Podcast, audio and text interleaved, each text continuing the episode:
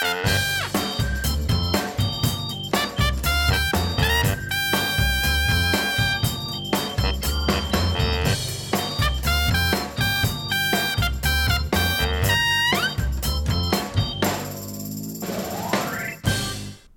je kinderen binnen! Dat zullen heel veel ouders de komende tijd gaan doen, want Halloween komt eraan. En dat bespreken we in de CIP-podcast. Zit jij te lachen, Patrick? Ja, over kinderen binnenhouden. Ons andere onderwerp gaat ook over kinderen binnenhouden. Oh ja, het gaat over die man eh, in, in schuilkelder in Drenthe. Gerrit-Jan Gerrit-Jan van D. Ja, Zullen we dat maar eerst gaan bespreken en dan daarna doorgaan met eh, Halloween? dat lijkt me een goed idee, ja. Ja, daar zijn we vorige week trouwens ook mee begonnen. Ja, En, maar er zijn natuurlijk allerlei nieuwe ontwikkelingen. ja, en om ons geheugen op te frissen, ook van de luisteraar Patrick, gaan we eerst even een fragmentje van De Wereld Draait Door laten horen. Een verhaal dat je niet zo snel verwacht in Nederland. In een boerderij wordt een vader met zes kinderen gevonden. Vlakbij Ruinerwold in de provincie Drenthe. Ze leefde daar sinds 2010 in een afgesloten ruimte. De huurder van de boerderij, een andere man, is aangehouden. De zaak komt aan het rollen doordat de oudste zoon van het gezin de woning weet te verlaten en naar het lokale café gaat. De man die deze week in Ruinerwold in Drenthe is opgepakt, wordt ervan verdacht dat hij de gezinsleden tegen hun zin vasthield. Huurder Jozef B. en de vader worden aangehouden, onder meer voor vrijheidsberoving en De witwassen. vader van het gezin dat negen jaar lang leefde in een afgesloten ruimte in Ruinerwold... was ooit lid van een religieuze secte. De Moonies, bekend door massahuwelijken. Geen van de aangetroffen mensen staat ingeschreven in het basisregister van de gemeente. Daardoor is eigenlijk niet helemaal zeker dat ze inderdaad allemaal familie van elkaar zijn. Het gezin is inmiddels ook nieuws in het buitenland. Die mysterieuze secte, eh, het einde van de wereld, ja, dat is toch wel bijzonder. Konnte es sein, dass neun Jahre lang mehrere Menschen hier leben, ohne von irgendjemandem zur Kenntnis genommen zu werden? De, de vader van het spookgezin in Ruinerwold ontwikkelde een eigen geloof. Ja, hij vertelt dat hij gelooft in een onzichtbare oorlog tussen het goede en het kwade. That war was mainly spiritual. Zijn voorarrest is met twee weken verlengd. Hij mag alleen contact hebben met zijn advocaat.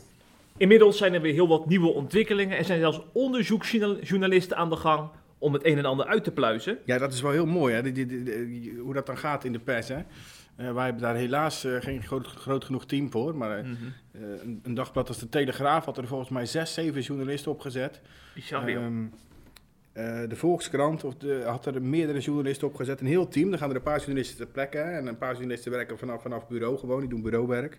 En dan komen ze ook, dat zag je ook, dan komen ze ook met primeurs. Hè. Dan blijven de ontwikkelingen zich eigenlijk ehm, opvolgen. Waardoor je steeds meer en meer informatie En waardoor alles steeds meer op zijn plek gaat vallen. Al moet ik er gelijk bij zeggen dat er nog heel veel onduidelijk is hoor. Eh, wat wel vaststaat, dat hebben wij op SIP ook al over gepubliceerd trouwens. ehm, is dat eh, het gezin, eh, met name de vader, banden had met de zogeheten verenigingskerk. Ehm, oftewel de Moon-secte, of Moon-secte, ik weet eigenlijk niet hoe je het uitspreekt. Ja, volgens mij is het Moon. Moon-secte, hoor, Ja. ja. ja, dus Engels. Oké. Maar je weet eh, zeker dat het een secte is. Het is niet dat, eh, dat het eh, wordt zwart gemaakt, die beweging. Nou, de verenigingskerk wordt ook wel Moon-secte genoemd. Oké. Ehm, ik ben niet in zoverre geïnformeerd dat ik weet wanneer iets officieel een secte Nee, mag worden genoemd en welke eigenschappen het dan moet voldoen. Maar het wordt in ieder geval wel zo genoemd. Het is niet Mhm. een woord wat ik ter plekke verzin of Ja, zoiets. Ja. Of wat door sommige mensen genoemd wordt. Ehm, daar had die vader dus banden mee. Huurde de andere opgepakte man, hè, Jozef B., die, die huurder van het pand was, die ehm, had ook banden met die kerk. Dus, dus er zijn allerlei links te vinden naar die kerk toe. Ehm, nou zegt die kerk zelf, een woordvoerder van die kerk, die had al in, eh, ehm, in gesprek met de Telegraaf gezegd, dat, of in gesprek met NOS gezegd, dat, eh, dat er op dit moment geen contacten zijn tussen die man, tussen het gezin, en al langere tijd niet. Hè? Dat hij vroeger wel lid was geweest, maar dat hij daarna eigenlijk van de radar is verdwenen. Ehm, dat lijkt nu ook een beetje het verhaal te zijn, hè? dat hij vervolgens eigenlijk een soort eigen religie is gaan maken, met, met aspecten vanuit verschillende soorten religies. Eh, daar maakte hij ook heel veel video's over. Die heeft de Telegraaf weer opgeduikeld. Hm. Die hebben al die video's eh, bekeken. Die hebben daar natuurlijk een uitgebreid artikel over gemaakt. Ehm, en eh, wat ook naar voren kwam, en daar kwam de Volkskrant dan weer mee. Dus je, dus je ziet dat achter elkaar komen er, komen er nieuwe ontwikkelingen, zeg maar. Ja. Eh, is dat hij een, eh, een website bijhield waarin hij duizenden artikelen schreef. En niet Ja, al- die vader bedoel je? Ja, die vader gaat het over nu, ja. En dan niet alleen maar over, eh, over, over geloof of religie, maar ook heel veel over yoga en heel veel over tuinieren, waar hij ontzettend veel van wist. Ehm, bij de Wereldrijd Door kwamen twee journalisten, eh, Sil van Schoonhoven en Xander van Uffelen. Eh, de eerste van de Telegraaf en de tweede van de Volkskrant. En eh, die bespraken die twee primeurs die zij hadden. En ook eh, wat hun puzzelstukjes waren in het geheel, zeg maar. En daar kwam wel een soort van beeld naar boven van die vader, hè, hoe die ongeveer was. Um, hij presenteerde zichzelf als een soort christelijke magier die toegang heeft tot de geestelijke wereld. Hij had het ook heel veel over de geestelijke eh, wereld. En gaat het ook over de geestelijke wereld die we kennen uit Efeze 6, hè, uit het Nieuw- Nieuwe Testament? Ja, daar denken wij dan natuurlijk Ja. direct aan. Maar ik denk dat hij ook wel die, die kant bedoelt. Hè? De strijd tussen goed en kwaad. En, eh, of hij dat nou helemaal vanuit een, alleen een christelijk, eh, christelijke visie bekijkt, vraag ik me af. Omdat je, wat ik net zei, dat hij echt, echt dingen van verschillende religies combineert tot een soort eigen, eigen geloof en eigen religie. Waarvan die overigens niet, laat dat heel duidelijk zijn, eh, zelf de, de Jezus of de Messias was. Hè? Wat je wel vaak ziet als Mhm. mensen dat doen.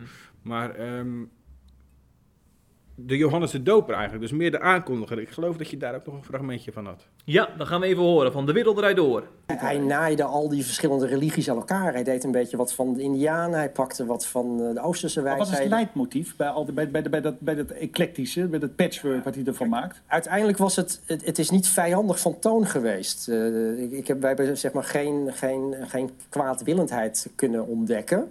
Eh, ja, het, het, het- de teksten aan zich waren wat, wat maf, maar, maar niet onaardig. Of, en, en, en zichzelf bevat- ook wijsheden waar je, waar je bij vrienden en kennissen heus nog wel indruk mee kan maken. Maar was hij zelf de grote leider? Of? Nee, eerder, eerder een boodschapper, denken wij. Eh, als je de analogie met Jezus en, en eh, Johannes de Doper moet trekken, eerder, eerder, eerder Johannes de Doper dan, eh, dan Jezus. Ja, nou, dit- kijk, dan hoor je dus een beetje hoe, hoe- hè, hoe- hoe die man zichzelf presenteerde, op zichzelf zag. Ehm, de vraag is ook, is er nou echt sprake van godsdienstwaanzin? Hè? Ehm, Mhm. Waar de kinderen dan ook vervolgens de dupe van zouden worden. Maar dat, dat wat je, hè, wordt vaak heel snel gezegd hè, in die gevallen. Ehm, van Uffelen, die journalist eh, van de Volkskrant, die zei dat die vraag eigenlijk nog niet te beantwoorden is. Natuurlijk lopen die kinderen een bepaald risico. Hè? Die worden misschien, zijn misschien wel verwaarloosd in de afgelopen jaren. Ehm, waardoor ze wellicht heel veel emotionele schade hebben opgelopen. Maar dat is nog niet met zekerheid te zeggen. Dus daar moeten we ook voorzichtig in zijn. Hij zei in ieder geval, het beeld wat door beide journalisten werd geschetst, dat het niet echt een kwaadaardige of kwaadwillende man is. Wat je wel eens bij secten ziet. Hè? Een, een soort leider die, die eh, mensen onderdrukt, seksueel misbruikt, geld afhandig maakt. Dat is het niet, zeg maar. Het was ook niet echt een... Het was eigenlijk zijn eigen gezin alleen, hè? Mhm. Dus, dus dat moeten we wel goed voor ons houden, dat beeld. Maar goed, ik denk natuurlijk wel dat het... eh, het is natuurlijk niet helemaal goed, laten we eerlijk zijn. Als je in de kelder gaat zitten met je hele gezin. Zeker. Ik zag ook dat de journalisten zelfs uit Duitsland en België waren afgereisd naar Ruinewold om er verslag van te doen. Maar dan denk ik van, is het dan echt zo bijzonder allemaal dat dat helemaal allemaal zo uitgebreid uitgelicht moet worden? Ja, het is natuurlijk op zich wel heel bijzonder dat iemand eh, zo lang onder de radar kan blijven hè, met een heel gezin. Dat, dat Ja. zei die journalist ook nog. Eh, eh, daar hebben gewoon acht jaar lang of negen jaar hebben daar kinderen gezeten in een kelder zonder dat iemand het wist. Ze hoort, en zonder dat iemand ooit iets gehoord heeft. Hè. Het, is niet, het is geen Amerika hè, waar honderden, kilo, of honderden kilometers lang geen, geen, geen, geen huis te vinden is. Het is. Nederland is klein. Eh, meestal, nou, ook hier, echt niet ver uit de buurt zijn andere huizen te vinden. Ehm, en de buren hebben bijvoorbeeld wel eens een hond gehoord, horen blaffen, maar nooit die kinderen gehoord. Dat is natuurlijk op zich een heel bijzonder verhaal.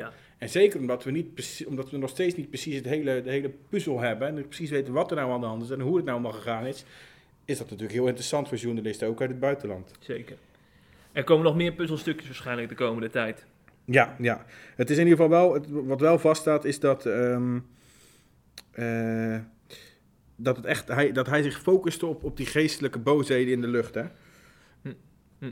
Ja, en dat, dat maakt het voor SIP ook relevant om hierover te ja, schrijven Ja, natuurlijk. precies. En dat is wel een groot onderdeel wat hij, uit, wat hij ook uit het christendom eh, gepakt heeft. Eh, om bij zijn, eh, zijn eigen ideologie. Dat zie je ook in die video's dat hij daar meerdere keren over heeft. Ehm, dus ja, ja we gaan benieuwd, ik ben benieuwd wat er nog meer naar boven gaat komen. Ja, sowieso. Nou, we blijven het volgen en wie weet in de volgende podcast weer nieuwe puzzelstukjes vanuit de media. Zo is het. En over geestelijke boosheden in de lucht gesproken, Jeffrey. Ja, ja. Oh, wat maken mensen zich daar zorgen over de Ja. komende weken? Ja, ja. Ik zie heel veel christenen zie ik weer in de pen klimmen en zich zorgen maken over die geestelijke boosheden, dat die ook over Nederland worden uitgestort door middel van een onschuldig kinderfeestje tussen aanleidingstekens. Halloween namelijk. En dat komt er weer aan. 31 oktober dan is het weer zover. Dat valt altijd samen met eh, hervormingsdag. Jou niet onbekend, Patrick. Hele mooie, bijzondere dag natuurlijk, hè, Vormingsdag. Daar weet ik alles van. Jij bent al lid van de hervormde kerk, Ja, dus je weet dat als geen ander. Luther met zijn stellingen. Juist, juist. Maar eh, Halloween, dat gaat over iets heel anders. Er wordt gegriezeld. En eh, één iemand die zich er ook heel erg druk over maakt, dat is Joyce de Jong. En eh, Joyce de Jong, die is heks geweest. Dat is een beroep die we niet dagelijks voorbij zien komen op Een beroep ook. Is dat een beroep? Nou ja, beroep. Nou, ik, ik, ja, ze was wel fulltime mee bezig, laat ik het zo zeggen. Het zal er niet voor betaald krijgen, maar... Het Reventorisch Dagblad heeft er ooit uitgebreid geïnterviewd over wat ze nou allemaal doet, hè, als heks. En eh, ja, ik, ik doe het niet vaak letterlijk citeren, maar dit vind ik zo'n citaat, dat kan ik gewoon niet samenvatten. Dus ik ga het gewoon even uit het RD hardop voorlezen. Bij volle maan trok ik de duinen in, om een soort feest te vieren, ter ere van de godin. Met een ritueel mes trok ik een cirkel in de lucht en bakende zo een gebied in de geestelijke wereld af. Met behulp van kaarsen in symbolische kleuren, wierook, zout en water. Nadat ik de cirkel met mijn bezem had gereinigd, nodigde ik de god en godin uit met de wachters van de vier windstreken en de geesten die erbij horen. En dan dansen ze vaak nog, ook nog ter ere van de godin. Ze las ook uit de heksenbijbel. En eh, ze sloot ook een verbond met de godin door een belofte te schrijven die, en die te verzegelen met bloed uit haar pols. Het is ongelooflijk dat het ook gewoon realiteit is. Hè? Ik ken Ja. dit soort verhalen eigenlijk alleen maar uit Suske en Wiske albums, weet je wel. Ja. Ja. Maar dat er gewoon echt mensen zijn die zich daar zo mee bezighouden. En dat, het zo, dat, dat het echt realiteit is ook, zeg Ja, maar zeker als John George de Jong Dat dat ook moeilijk. voor je ziet. Want die was ook een keer in een tv-uitzending van Family 7 om daarover te vertellen. Mhm. Het is gewoon eh, echt zo'n... eh, eh, gewoon een, een, een normale moeder, een blond haar, weet je wel. eh, een gezinnetje met twee leuke kinderen. Ze heeft niet een grote haakneus. Nee, nee, nee. Het zou mijn tante kunnen zijn. En, en dan zie je dat haar allemaal vertellen. Dat is heel gek om voor te stellen dan, Dat is zeg best maar. apart, ja. Ja, ja. Over Family 7 gesproken, daar was zij eh, drie jaar geleden te gast. Toen was Halloween ook eh, in het nieuws. En zij vertelde ook daar over de achtergrond van Halloween. En daar gaan we nog even naar luisteren, wat Joyce erover te vertellen had. Want het is een feest uit Amerika overkomen waaien. Eh, nou, de vorm waarin, het, waarin we het vooral zien, wel. Maar oorspronkelijk heeft het veel oudere wortels. Mhm. Komt het ook vanuit de Keltische cultuur. En van daaruit is het eigenlijk naar Amerika gekomen. En, en nu komt het weer terug naar eh, Europa op die manier. Ja, ja. Maar u zegt eh, feest voor kinderen, maar volwassenen doen er ook aan mee. Ja, volwassenen doen er ook aan mee. Omdat oorspronkelijk is het helemaal geen kinderfeest. Mhm. Ehm, het, het is een religieus feest ten diepste. Eh, wat door volwassenen vooral werd gevierd. Het is een feest wat door heksen nog steeds wordt gevierd. Ja. Als, eh, als het nieuwjaar van heksen, maar ook als de avond eh, in het jaar waarop de grens tussen het rijk van de levenden en de doden heel dun is. En het dus heel makkelijk is om contact te maken met de geesten van overledenen. Mhm. En dat doen heksen dan ook op die avond. Ja. Ehm, dat het nu ehm, vooral ook door kinderen wordt gevierd. En dat komt omdat er rondom dat feest allerlei eh, legendes en tradities zijn ontstaan. Hè? Mhm. De, de pompoenen, eh, daar zit een heel verhaal aan vast. Een, een leuk verhaal op zich. Eh, maar nogmaals, als je de geestelijke achtergrond kent, is het heel wat anders. U zegt, ehm, het zit op de, op de grens van, van, van levenden en doden. Ja, Kunt u dat uitleggen? Ehm, nou, heksen geloven eh, dat eh, de, de wereld waarin we leven sowieso eh, één groot geheel is. Dus ook de wereld waarin de zichtbare wereld en de onzichtbare wereld, die staan met elkaar in contact. Daar zit wel een grens tussen. Je kunt daar in contact mee komen. En als christenen geloven we dat natuurlijk ook. Maar op sommige momenten is de, de scheiding tussen die twee werelden heel dun. Mhm. Ehm, en dus zoals met Halloween, die avond is de grens tussen het Rijk van de Doden en het Rijk van de Levenden heel, heel dun. En is het heel makkelijk om in contact te komen, bijvoorbeeld met overleden voorouders of andere overledenen met wie je in contact zou willen komen. Doen mensen dat ook? Ja, zeker doen ze dat Ja? ook. En, en heksen doen dat eh, op een heel respectvolle manier. Laat ik dat erbij zeggen. Kijk, de commercie die maakt er inderdaad iets heel ja, commercieels Ja. van. Maar voor heksen is het een serieuze aangelegenheid. eh, vanuit respect om in contact te komen of om wijsheid te vragen. En wat met name hier het punt is, Patrick, is dat zij vertelt dus dat heksen op die ene eh, Halloweenavond contact maken met geesten van overledenen. En volgens haar zit daar de crux. Want dan op die avond wordt die lijn tussen het rijk der doden en het rijk der levenden extra dun. En wordt er zo ruimte gegeven aan occulte geesten Ja. die dan ook eh, gebruik gaan maken van, van, die, van die feestjes. Ja, want ik wou zeggen, hè, de vraag is of ze ook echt contact maken met de geesten van die overledenen. Ja. Eh, we zien daar namelijk een voorbeeld over in de Bijbel. Hè? Als eh, koning Saul naar een waarzegger gaat en die, Ja, wil, ze ook, eh, wil hij ook dat ze contact met een overledene. Maar dat, en die, dan is er dus een boze geest, een demon, die zich voordoet als die overledene. Hè? Dus de Hm. vraag, ik, ik denk eerder dat zulke mensen niet echt contact met overledenen leggen, maar met een boze demon die zich kan voordoen als die overledene. Hm, hm, hm. En dat is natuurlijk levensgevaarlijk. Ja, ja. Dus in die zin snap je Joyce wel. Want zij zegt ook van dat het geen onschuldig kinderfeest om deze reden ook. Dat, Ja, dat er dan, absoluut. Sowieso geen onschuldig kinderfeest, maar goed, daar komen we zo nog op terug. Ja. Jij hebt daar trouwens Bert Notenboom over gesproken, hè, laatst. Ja, ja, ja, ja. En die Bert Notenboom, die is uh, wijkpastor in uh, Almere. Volgens mij is hij ook dirigent. Die doet heel veel dingen in de christelijke Ja, wereld. Best wel veel, een bekende naam Ja, ook. ja. En die verwees ook trouwens in dat interview naar uh, Sal, waar je net naar verwees. En uh, die staat er ook helemaal hetzelfde in uh, um, met betrekking tot Joyce de Jong. Die waarschuwt ook echt actief op social media voor, voor Halloween. Want hij ziet ook in Almere bijvoorbeeld heel veel ouders die met kinderen, wat hem betreft, naïef met dit feest omgaan. En allerlei gekke kleding aantrekken. En hij verwees bijvoorbeeld op, voor een paar jaar geleden verwees hij op Facebook naar een vrouw die in een pak rondliep en de, dat pak beelde dus uit dat die vrouw was opengesneden. En dat er dan een, een baby uitbungelt, zeg maar. Als, uh, ja, dat is toch bizar. Als Ja. je dat voorbij ziet lopen in je straat. En hij zegt dus in dat interview, de hel wordt nagebootst. Want volgens hem zijn het allemaal dingen die bij de hel en duisternis horen. En daar moeten we volgens hem niks mee te maken willen hebben. En we zetten eigenlijk de deuren en huizen van onze harten open voor het satanisme. Zo ziet hij dat echt. De duivel geven wij op deze manier ingang om angst te zaaien.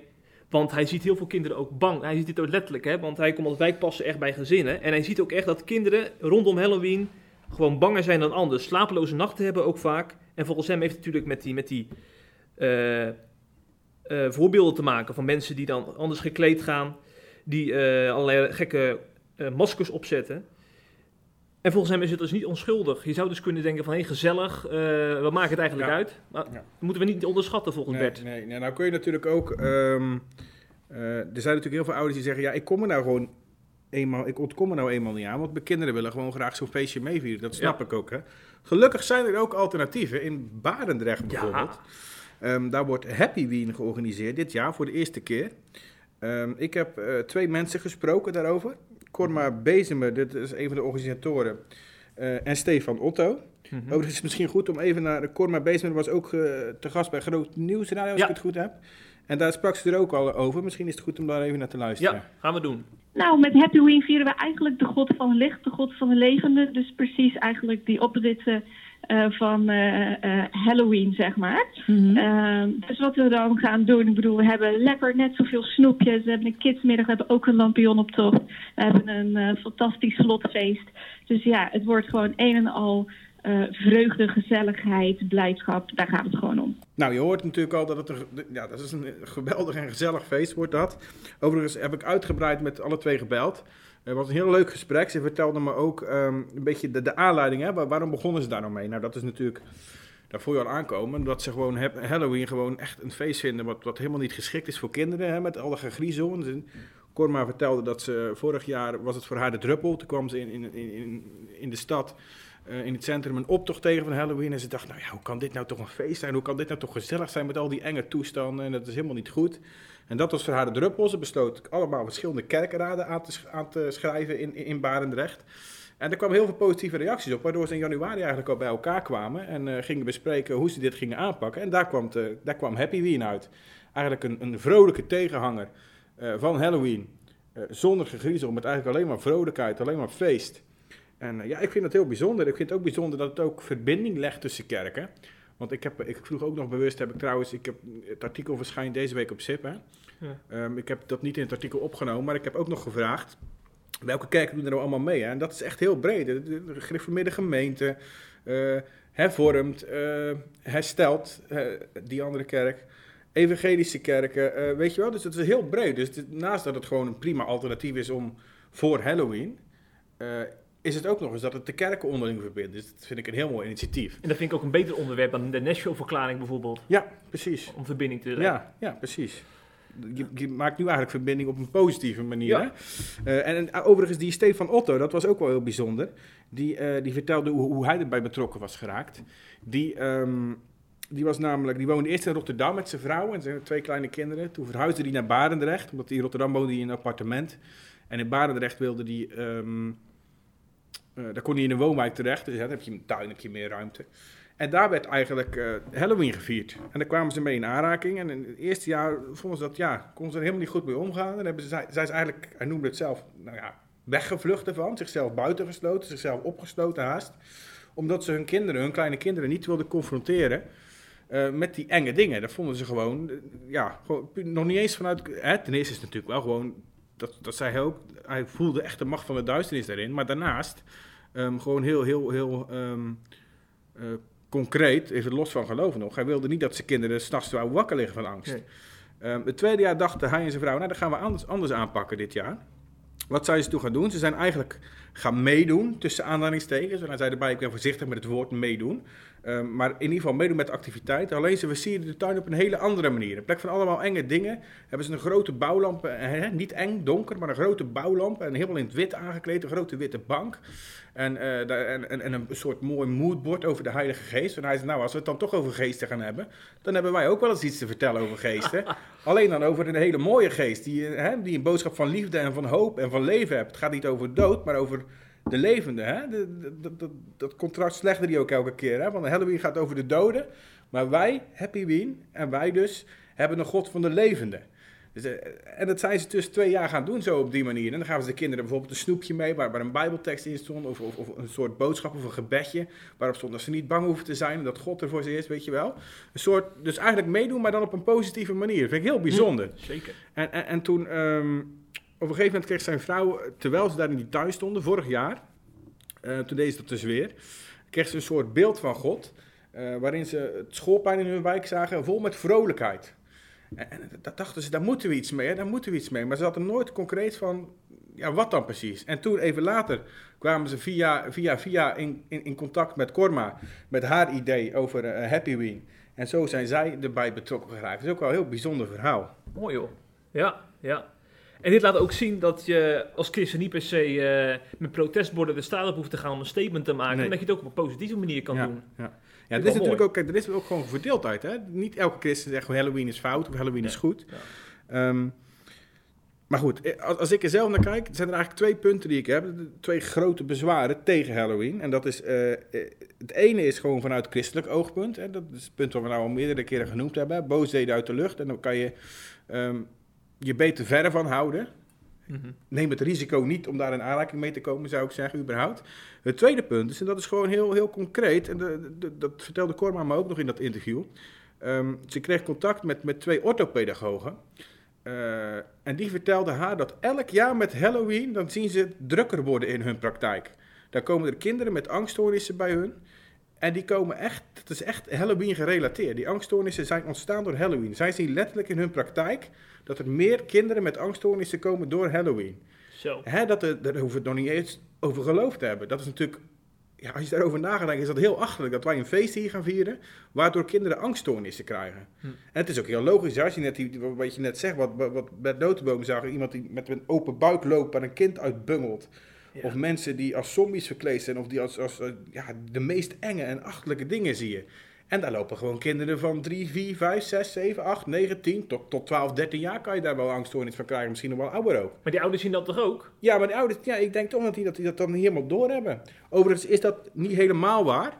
Ehm, want er zijn, dat, dat merkte zij bij, bij zo'n initiatief als Happy Ween ook, dat er ook heel veel niet-christenen erg blij mee zijn. Omdat die ook eigenlijk dat griezel helemaal niks vinden voor hun kinderen. Oké. Dus, dus er zijn wel steeds meer mensen die ook daar wel problemen mee hebben, ja. Hm. Plus, eh, ik denk dat, zoals het altijd gaat, het is een soort overgewaaide hype uit, uit Amerika. Ja. Eh, dan is er een klein gedeelte die dat echt leuk vindt om te vieren. En de middenstand sluit zich erbij aan. Eh, en dan gaat de grote zwijgende meerderheid toch langzaam maar zeker mee. Misschien denken ze er niet eens over na. Die denken gewoon, oh, lekker griezelig joh, een pompoenetje naast de deur zetten, prima. Eh, je ziet trouwens natuurlijk sowieso in de hele cultuur dat griezen er bijna bij is gaan horen. Hè. Er worden kinderboeken geschreven, griezel kinderboeken geschreven. Die zijn enorm populair geweest de afgelopen decennia. Eh, films, kinderfilms ook. Eh, dus ja, maar goed, dus ik denk dat zij het vaak wel schuldig vinden. Dat is bij sommige films ook wel het geval. Ook Casper het Spookje kan je nou niet echt zeggen dat dat heel duister en magisch is. Eh, maar ja, als je deze beelden ziet hoe sommige mensen verkleed gaan, dat is natuurlijk absoluut niet iets waar je je kinderen mee in aanraking wil brengen. Hm. Al is het alleen maar om te voorkomen dat ze eh, inderdaad een angststoornis krijgen. Daarnaast vind ik het wel lastig hoor, om, om, om echt daar een hard oordeel over te vormen. Eh, natuurlijk zegt Paulus, waar we het net over hadden, waarschuwt hij voor boosheden in de lucht. Aan de andere kant vind ik ook dat je nuchter moet zijn en dat je niet eh, achter iedere graspriet een demon moet zien, weet je wel. Je kan doorslaan. met Ja, daar kan je natuurlijk overal wel iets uh, kwade geest in zien. En ik denk dat we daar ook wel weer een beetje nuchter in moeten zijn. Ja. Wie er ook nuchter in wil zijn, dat is Wouter van der Toren. Hij heeft een eigen blog, creatof.nl. En regelmatig verwijzen we er ook naar op CIP, omdat hij toch wel weer een ander geluid laat horen. En ook bij Halloween is dat weer het geval. Want die Wouter van der Toren zegt dus dat wij ons niet zo druk moeten maken als christenen om dit feest. Hij vindt het allemaal een beetje overdreven en hij spreekt van smaakverschillen. De ene houdt eh, van een Halloweenfeestje en de ander houdt weer van, eh, ja, opwekking. Noemde die als voorbeeld, hè? Opwekkingsliedjes. Daar heeft hij dan zelf niet zoveel mee, maar Ja, anderen wel. Ja, ja. Ja. Raar vergelijk Dat is een. Ja, vergelijking inderdaad. apart. Ik vind sowieso hele slechte argumenten die hij gaf hoor in dat stuk. Want ik, ik, ik moet eerlijk zeggen, ehm, ja, gaat het in, gaat, als jij nou gelovig bent, hè, gaat het erom waar jij van houdt? Hè, waar, waar- waar Wouter van houdt, of waar Jeffrey van houdt, of waar Patrick van houdt? Of moeten we, naar de, na- moeten we onze mening vormen naar aanleiding van de Bijbel? Hè? Natuurlijk vind ik persoonlijk dat je dat cultuur en tijd gebonden moet lezen. Ehm, maar je kan je mening wel vormen vanuit de Bijbel en proberen te leven naar de smaak van de Heilige Geest. In plek van naar de smaak van jezelf. Dus ik vind dat sowieso een, als een slecht argument. En ik zie hem later in, in, in die blog schrijft hij ook nog ehm, dat de dood geen macht meer heeft, zo is de overtuiging, en dat Jezus de dood overwon. Dat was de nagel aan de kist van de dood zelf. En, en, en nu komt het. In dat licht mag je de dood best uitlachen en dat mag best met een griezelfeest. Nou, laat, laat dat een stukje doordringen, zou ik zeggen. Ik vraag me af of Wouter wel eens in aanraking is geweest met de dood. Daar moet je ook voorzichtig mee zijn met zijn uitspraak natuurlijk. Maar ja, de dood is natuurlijk nog wel een, de laatste vijand, spreekt de Bijbel over. De dood is wel eng. Dan kan je wel zeggen, Jezus heeft de dood overwonnen. En dat zingt dat lied ook heel mooi. Hè? Nu jaagt de dood geen angst meer aan. Maar dat betekent niet dat we de krachten en de machten van de dood en de duisternis maar op moeten gaan zoeken. Helemaal niet met onze kinderen, zou ik zeggen. Ehm, ik, heb wel eens, ik heb mensen zien sterven in mijn leven. Ik heb mensen zien strijden. Ik heb ze zien vechten met wat de Bijbel dan de laatste vijand noemt, hè? de dood. Ja. En ik zou je zeggen, dan is er echt geen sprake van uitlachen. Dan is er echt geen sprake van een leuk griezelfeestje waarmee je de dood op een of andere absurde manier gaat uitlachen. Want ik zie ook niet in waarom het überhaupt uitlachen is, zo'n griezelfeest hoor. Ehm, en dan heeft hij het ook nog over de dood met open vizier tegemoet treden. Nou, ik zou je zeggen, dat zie je zelden. Ook bij christenen zie je dat zelden. De meesten krijgen toch nog een hele worsteling. En dat is ook helemaal niet zo gek, omdat de Bijbel daar ook gewoon over spreekt, dat het de laatste vijand is. Ehm, en daar komt nog bij, eh, om het even af te sluiten, gaat Wouter dan even aan al die kinderen met angststoornissen uitleggen eh, dat de dood geen angst meer moet aanjagen. Want die kinderen die hebben er echt, die houden daar echt iets aan over. Hm. Hm. Dus zo onschuldig is het helemaal niet. En dat kunnen die orthopedagogen die we net bespraken dus wel beamen. Maar als ik een beetje eh, Wouter inschat, dan stoort hij zich met name denk ik aan de tone of voice bij veel christenen. Hè? Want hij, hij stoort natuurlijk vooral dan wijs aan het op, opgeheven vingertje van mensen die nu alweer in de hoogste boom klimmen wat hem betreft. En eh, eh, van- vol- volgens, volgens hem dus vanuit angst met zo'n feestje omgaan. Hij, hij spreekt veel van, veel van angst in zijn blog hierover. Ja, maar dit feestje draait alleen maar om angst. Het Ja. is een feest van angst. Ja, dat punt laat hij dan liggen. Ja. Ja, hij heeft het over angst voor het feest, maar het Ja. feest is angst. Alles draait om angst daar. Kijk, kijk maar beelden, kijk maar hoe... Ieder, je moet er zo angstig mogelijk uitzien. Je moet er zo angstaanjagend mogelijk uitzien. Eh, je ziet ook bij attracties zo dat het is om mensen bang te maken. Kinderen schrikken van bepaalde dingen. Ja, ik, ik weet helemaal niet wat daar leuk aan is. Maar goed, dat kan ook in mijn persoonlijke. Ik vind een spookhuis ook helemaal niet leuk. Ik zou niet weten waarom je, waarom je bewust angst op zou gaan zoeken. Ik zoek liever meer een feestje en vreugde op en blijdschap. Ik zie jou liever een liedje van Frans Bauer zingen, dat ik in een Polonaise kan gaan lopen. Nou, dat vind ik ook wel heel gezellig. vind ik leuker dan schrikken van eh, iemand die met een, eh, een kind uit de bu- buik loopt, ook al is het nep. Hm, hm, hm. Dus ik, ja, dat kan je wel zeggen, ja, het, het gaat om angst. Het hele feest gaat om angst. En daarmee, dat vind ik het allerbelangrijkste. Ehm, want ik, ik, wat ik net zeg, het is af en toe best moeilijk om daar de juiste keuzes in te maken. Dat hoef ik ook niet, want ik heb geen kinderen. Eh, en zelf heb ik er niks mee. Maar wat ik wel kan zeggen, wat ik echt vind, is hoe je er ook over denkt. Het is absoluut geen kinderfeest. Iets wat over dood en enge dingen gaat. Dat is gewoon niet geschikt voor kinderen. Hm. Hè, bij boeken en films zijn overal leeftijd aan gebonden, maar bij zo'n feest mogen de gekste dingen waar kinderen bij zijn. Het is heel absurd als je erover nadenkt. Ja, en, nu je het er toch over hebt. eh, er is nog een ander kinderfeestje dat we dit jaar gaan vieren.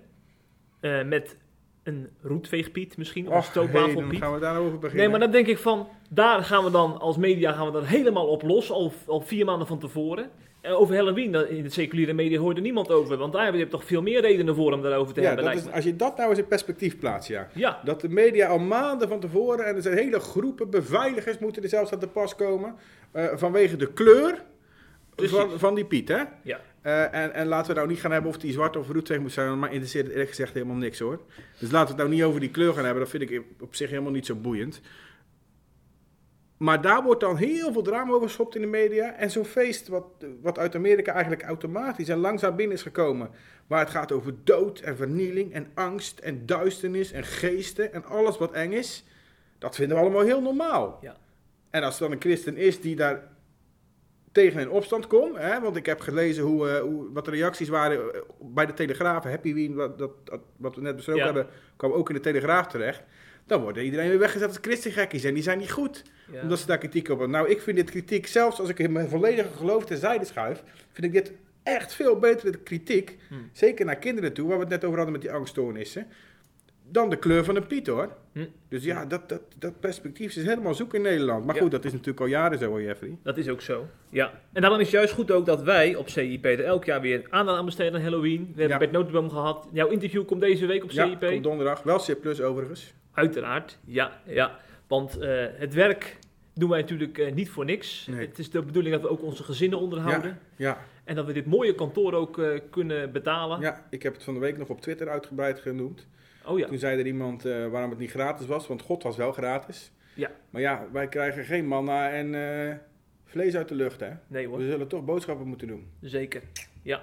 En van dat mooie geld kunnen wij weer nieuwe projecten organiseren. Zoals de challenges die er nu aan gaan komen. Ja. Geweldige... Jij bent met een mooie challenge bezig ja, toevallig? Ja, ik ben met een challenge bezig eh, over opvoeding. Oh ja. Die komt binnen een paar weken online. Dan kan je in eh 30 dagen tijd krijg je de beste tips en uitdagingen rondom opvoeding. Eh, niet vanuit mijn expertise of iets dergelijks, maar vanuit eh, eh, zowel christelijke opvoedkundigen als eh, ehm, reguliere opvoedkundigen. Ja, ja. Dus die komt er binnenkort aan. En er staan er al heel veel online. En die kun je elke dag in je mail krijgen Die dan? onze collega's hebben gemaakt. En die, kan je, die challenges die kan, je, kan je voor inschrijven. Voor C-leden is het overigens helemaal gratis. Dus als je C-lid wordt, is het mooi meegenomen. Kan je elke challenge volledig gratis ontvangen. Krijg je elke dag een nieuwe challenge in je e-mail met een leuk, inspirerend stukje, een mooie anekdote, goede tips. En aan het eind altijd een uitdaging om je dag door bezig te laten zijn met dat onderwerp. Kijk, kijk. Heel mooi. Mooi. Kijk er vooral op naar SIP, zou ik zeggen. Ja. Wat ik ook mooi vind, Patrick, dat is opwekking. Want in opwekking wordt ook gezongen over Jezus die de dood heeft overwonnen. We hebben het net over gehad met het Halloween gebeuren. En dat is iets wat Wouter van der Toren en Bert Notenboom allebei delen. Dat Ja. Jezus de dood overwonnen heeft. En dat delen wij ook natuurlijk. En dat hè? delen wij ook. Ja, absoluut. En laten we dat aan het eind van deze podcast onderstrepen met opwekkingslied 764. Zullen we die even draaien? Een Ja, deel? zonder mee te zingen. Zonder mee te zingen. Dan kunnen de luisteraars wel meezingen gewoon thuis. Ja. Hebben ze geen last van onze valse noten. En dan gaan we notenboom. Het is zo slecht. En dan zeggen we, geniet van het lied. En wij zijn de volgende week weer met een nieuwe podcast. Absoluut. Tot de volgende keer. De groeten. Aan het kruis leek u verslagen, maar u hebt de dood ontroond. Zelfs het graf kon